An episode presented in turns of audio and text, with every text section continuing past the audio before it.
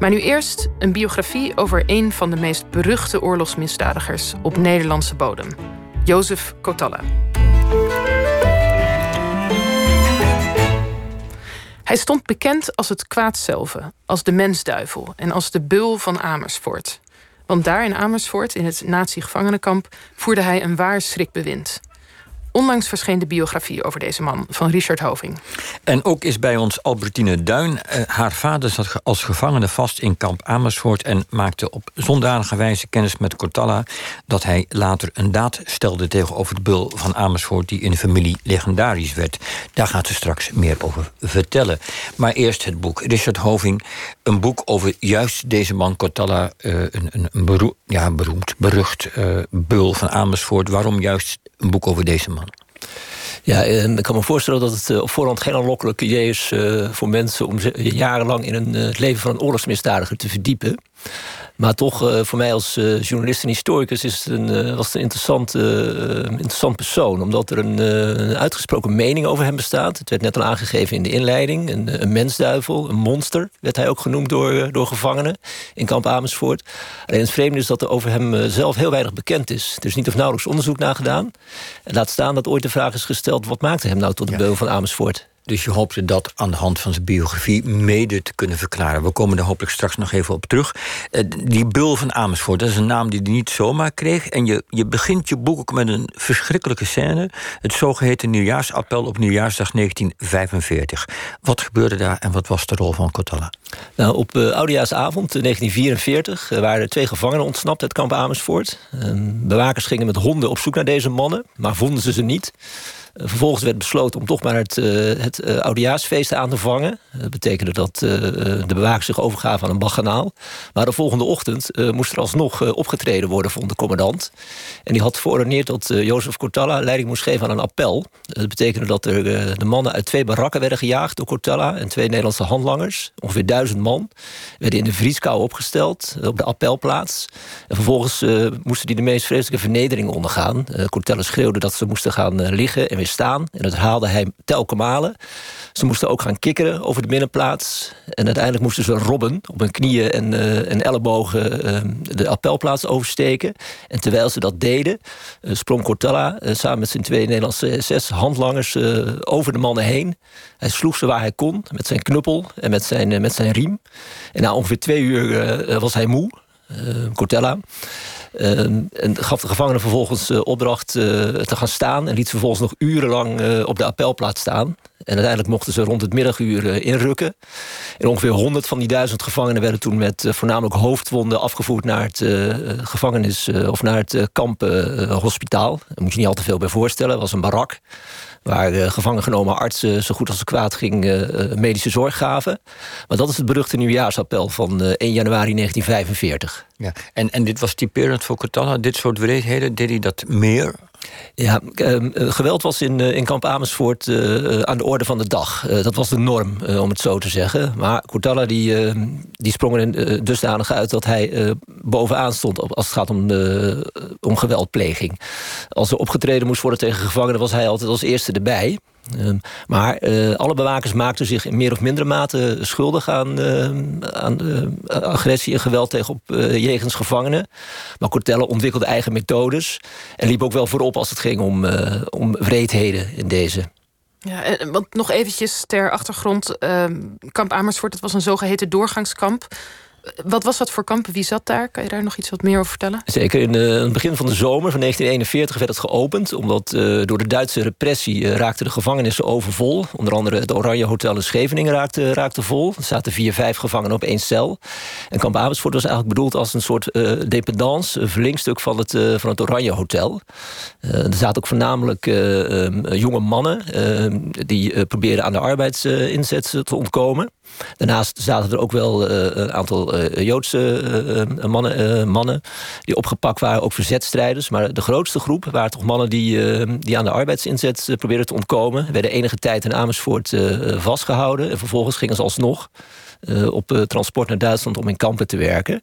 Maar het was ehm, zeker in de beginperiode, 41, 43, een, een vergaarbak van, van gevangenen. Zwarthandelaren zaten er ook. Het was een, maar de meeste mensen zaten daar voor enkele weken tot enkele maanden. Ja. Hoe, hoe was het, Albertine Duin? Jouw vader zat daar om, als, waarom zat hij daar? Om uh, wat uh, meneer Hoving net zegt, ook omdat hij de arbeidseinsatz wilde ontlopen. Oké. Okay. Hij heeft er twee keer gezeten. Twee keer en hoe lang in totaal? Uh, van 28 april tot 5 december 1942, dat was de eerste keer. En van 17 augustus 43 tot 28 mei 44, de tweede keer. En wat ik me wel herinner, want ik zei tegen jou door de telefoon dat ik me niet zoveel kon herinneren, was dat de eerste keer erger was dan de tweede keer. Dat vertelde hij dus. Ja, ja dat heeft hij wel verteld. Ja. ja. En laten we eerst even nog een sprong maken naar na de oorlog. Dan wordt er tegen Kotala een proces gevoerd. als onderdeel van het proces tegen de zeven beulen van Amersfoort, zoals dat bekend kwam te staan. Hij verdedigt zichzelf dan in de rechtszaal in reactie op de geëiste doodstraf en verklaart dan onder meer het volgende. De zaak Kutala en het laatste woord uitspreken. Wenn ich nun zuerst als Gefangene wache im Polizeigewinn Scheveningen und später im Lager Amersfoort als Administrateur und Rapportführer und nicht als als Unterkommandant meinen Dienst versehen habe, so war das genauso für mich eine soldatische Pflicht wie für jeden anderen Soldaten sein Fronteinsatz. Ja, hij deed zijn soldatenplicht, zo zegt hij hier. Een beetje het klassieke argument, wat later ook door uh, Eichmann gebruikt wordt, onder andere. Een beetje bevel is beveelachtig klinkt het. Vond hij gehoor daarmee toen? Uh, nee, zeker niet. Kijk, uh, Cotella zag zichzelf als een, slechts een atoom in de Duitse oorlogsmachinerie. Maar al voor, voordat zijn proces begon, spraken de kranten over het proces Cortalla. maar ook de gevangenen zagen hem toch echt als, als het kwaad in het, in het kamp.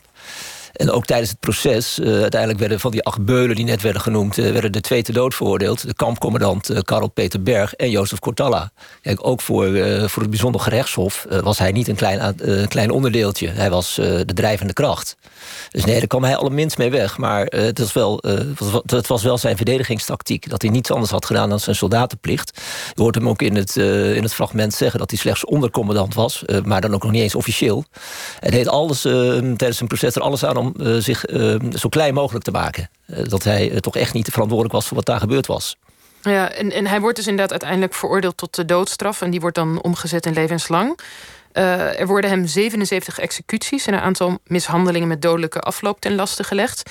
Jij schrijft dat daar eigenlijk voor al die feiten niet per se sluitend bewijs voor was. Hoe zit dat precies? Nou, dat zijn twee, uh, twee hoofdpunten tijdens zijn proces. De, de 77 executies, daar is hij, uh, dat heeft hij ook toegegeven. Daar is hij ook uh, terecht onder de destijds geldende wetten voor veroordeeld. Daar is ook geen twijfel over mogelijk. Maar nogmaals, daar verdedigde hij, hij zich mee met dat hij slechts bevelen had uitgevoerd. Maar het tweede punt is dat hij ook veroordeeld is voor dodelijke mishandelingen. Alleen um, wat er tijdens het proces gebeurde, is dat um, geen van de gevangenen, maar ook niet uh, de aanklager, uh, het bewijs daarvoor kon leveren. Uh, er waren geen namen van, van gevangenen die die doodgeslagen zou hebben. Gebeurtenissen die werden genoemd, die werden al tijdens de rechtszaak werden die in twijfel getrokken. Zo was er een gevangene die bij, bij hoog en bij laag beweerde dat Cortella um, de vingers van tientallen gevangenen had afgezaagd door een hand in de, in de cirkelzaag te stoppen van de, van de houtbarak. Het was een houtbarak waar de gevangenen hout moesten zagen. Alleen daarvan werd al tijdens eh, de rechtszaak gezegd door de aanklager dat het toch echt niet gebeurd eh, was. Het tweede is dat Cortella tijdens zijn proces uh, verweten werd dat hij mee had gedaan aan het doodslaan van de Joodse wethouder de Miranda een Amsterdamse wethouder. Maar ook daarvoor gold dat hij daar niet bij in de buurt was. Uh, het gerechtshof loste dat op door uiteindelijk in zijn proces te melden dat hij betrokken was bij de dood van een Joodse gevangene. Maar de naam van de Miranda werd weggelaten uit het proces. Want dat ja. paste niet meer, want daar was hij niet bij betrokken. Dus, dus uh, eigenlijk wordt hij veroordeeld op zijn reputatie en op zijn bulswerk en op zijn executies. Uh, maar niet helemaal via het proces. De bewijslast was misschien niet helemaal in orde, maar hij wordt dus op zijn reputatie in bulswerk en executies veroordeeld. Dit lijkt me ook een moment om even naar uh, Albertine Duin te gaan, want uh, jouw vader, Godert Baron van Linden, moet ik zeggen, toch? Die, uh, die zat dus in dat kamp een vrij lange tijd vanwege zijn niet willen werken voor de Duitsers, ontsnappen aan die arbeidseinsatz. Die naam, Cortalla, was dat een naam bij jullie thuis over gesproken werd? Nee, mijn vader praat helemaal niet over de oorlog. Nooit. Dus daar wisten wij niks van, tot het uh, proces van de drie van Breda kwam. Ja, want hij was een van de drie van Breda, voor de duidelijkheid. Ja, precies. En uh, hij was uh, jurist, hij was advocaat. En ik kan, toen had ik de leeftijd des onderscheids al. Hè, toen kon ik goed met hem... nou ja, toen was ik al volwassen eigenlijk. En toen verbaasde mij altijd dat hij, terwijl hij in dit boek schrijft dat ze niks anders dan de doodstraf verdienen. In 1945 was hij dus in 19, ik weet niet precies het jaar, tot 73 denk ik of zo. Hè, dat uh, drie van Breda speelde. Was hij voor vrijlating. En uh, dat vond ik altijd gek.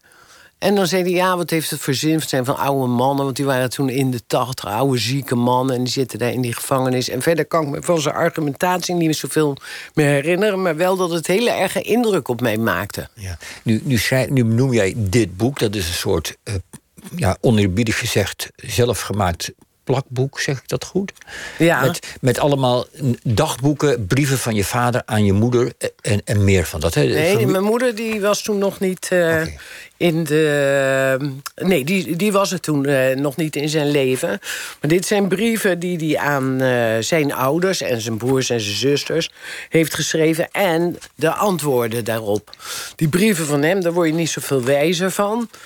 Want uh, uh, dat ging door de censuur. Dus hij heeft ook nooit het woord Kotala daar gebezigd.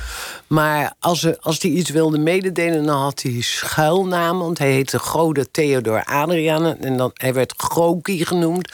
En dan zei hij... Begrijp ik nu dat Spooky weer aan het herstellen is van zijn ziekte in de. Uh, nou ja, dan noemde hij niet zieke barak, maar dat was natuurlijk wel wat hij wilde zeggen: dat hij Nu, nu, is er één brief in jullie familie waar, waar het eigenlijk ook voor een deel om gaat. En dat is een brief waarin hij wel aan je moeder schrijft en vertelt dat hij na de oorlog in 1945 uh, Kotala heeft bezocht tijdens zijn gevangenschap. En daar is hij dus geweest. En dat kon kennelijk zomaar. Eh, dat je als burger, als ex-gevangene, je bewaker mocht bezoeken. Dat weet ik niet of dat uh, gangbaar was. Maar hij had connecties via een dame. Uh, later werd de naam daar ook bij geweldig, mevrouw Groeneveld. En die had weer connecties met het PDA, Polizeiliche Doorgangslager Amersfoort. En uh, die heeft ervoor gezorgd dat uh, zijn wens in vervulling ging, want dat wou hij graag. Ja, hij mocht dus oog in oog staan met de bul, maar nu niet als gevangene, maar als ja. bul als gevangene. Ja. Zou je een stukje uit die brief willen voorlezen? We hebben het ook even. Ja, daar ligt het inderdaad. Ja. ja en wat we hebben doorgekruist moet je overslaan. Ja. Maar toen kwam het hoogtepunt van mijn leven. Ik mocht mijn vroegere bewakers en andere vroegere moordenaars zien die nu in de bunker zaten.